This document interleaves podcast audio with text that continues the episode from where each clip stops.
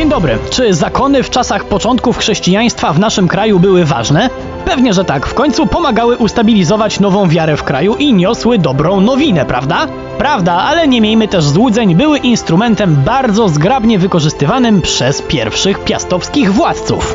Zakonnicy spisywali historię, w której mogliby wysławiać tych, którzy byli hojni dla ich zgromadzenia. To też władcy z radością witali ich na naszych terenach. Jaki by jednak powód nie był, to zakonnicy zaczęli się u nas pojawiać dość szybko i odegrali niemałą rolę w naszych dziejach. Czas sobie o nich porozmawiać. Przy mikrofonie Wojtek Drewniak. Zapraszam.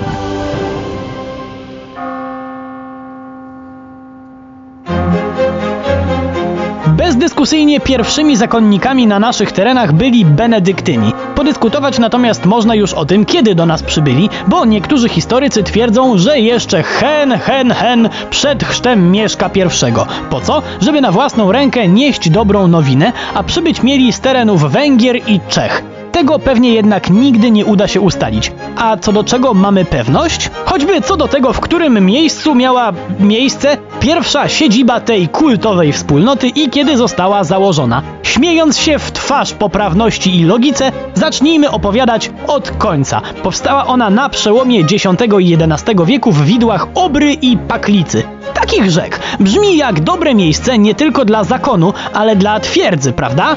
Owszem, i naturalnie nie bez przyczyny. W sumie powody były dwa. Po pierwsze, zakon był łakomym kąskiem dla bandytów, a po drugie, nie trzeba było wcale być bandytą, żeby mieć ochotę napaść na zgromadzenie. Wystarczyło nie mieć ochoty na chrześcijańską indoktrynację, a takich osób w X i XI wieku wcale mało nie było. Dowodem na to może być całkiem sporo męczenników w tamtym okresie. Kto chociażby? Pewnie, że święty Wojciech, ale o nim nie dość, że każdy słyszał, to jeszcze był z Czech. A kim byli pierwsi męczennicy, których uważa się za polskich? Ten tytuł przyznano tak zwanym pięciu braciom polskim, co jest super śmieszne, bo mało to ma wspólnego z prawdą. Czemu? Zacznijmy od faktów. Faktycznie owa piątka została uznana za męczenników, a nawet za świętych i to już w roku 1004. Kiedy zginęli? Rok wcześniej podczas nocnego napadu w okolicach Międzyrzecza. I żeby było jasne, to ich napadnięto, a nie oni kogoś.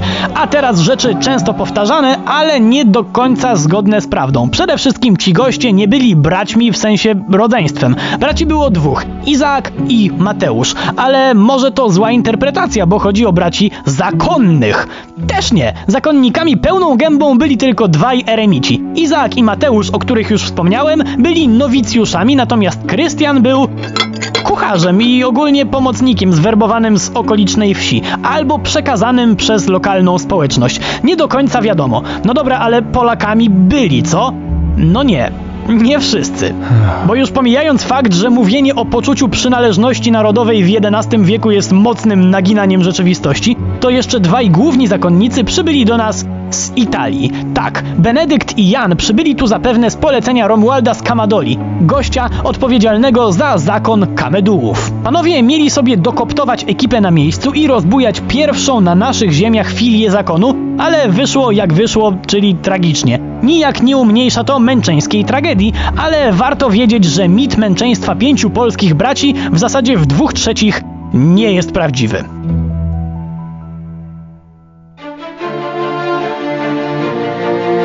Jeśli ktoś się poczuł przez to obalenie mitów niekomfortowo, no to przepraszam, ale nikt nie obiecywał, że będzie łatwo. Podobnie jak niełatwe było życie Benedyktyna w XI wieku, bo wstępując do tego zakonu trzeba było złożyć aż cztery śluby.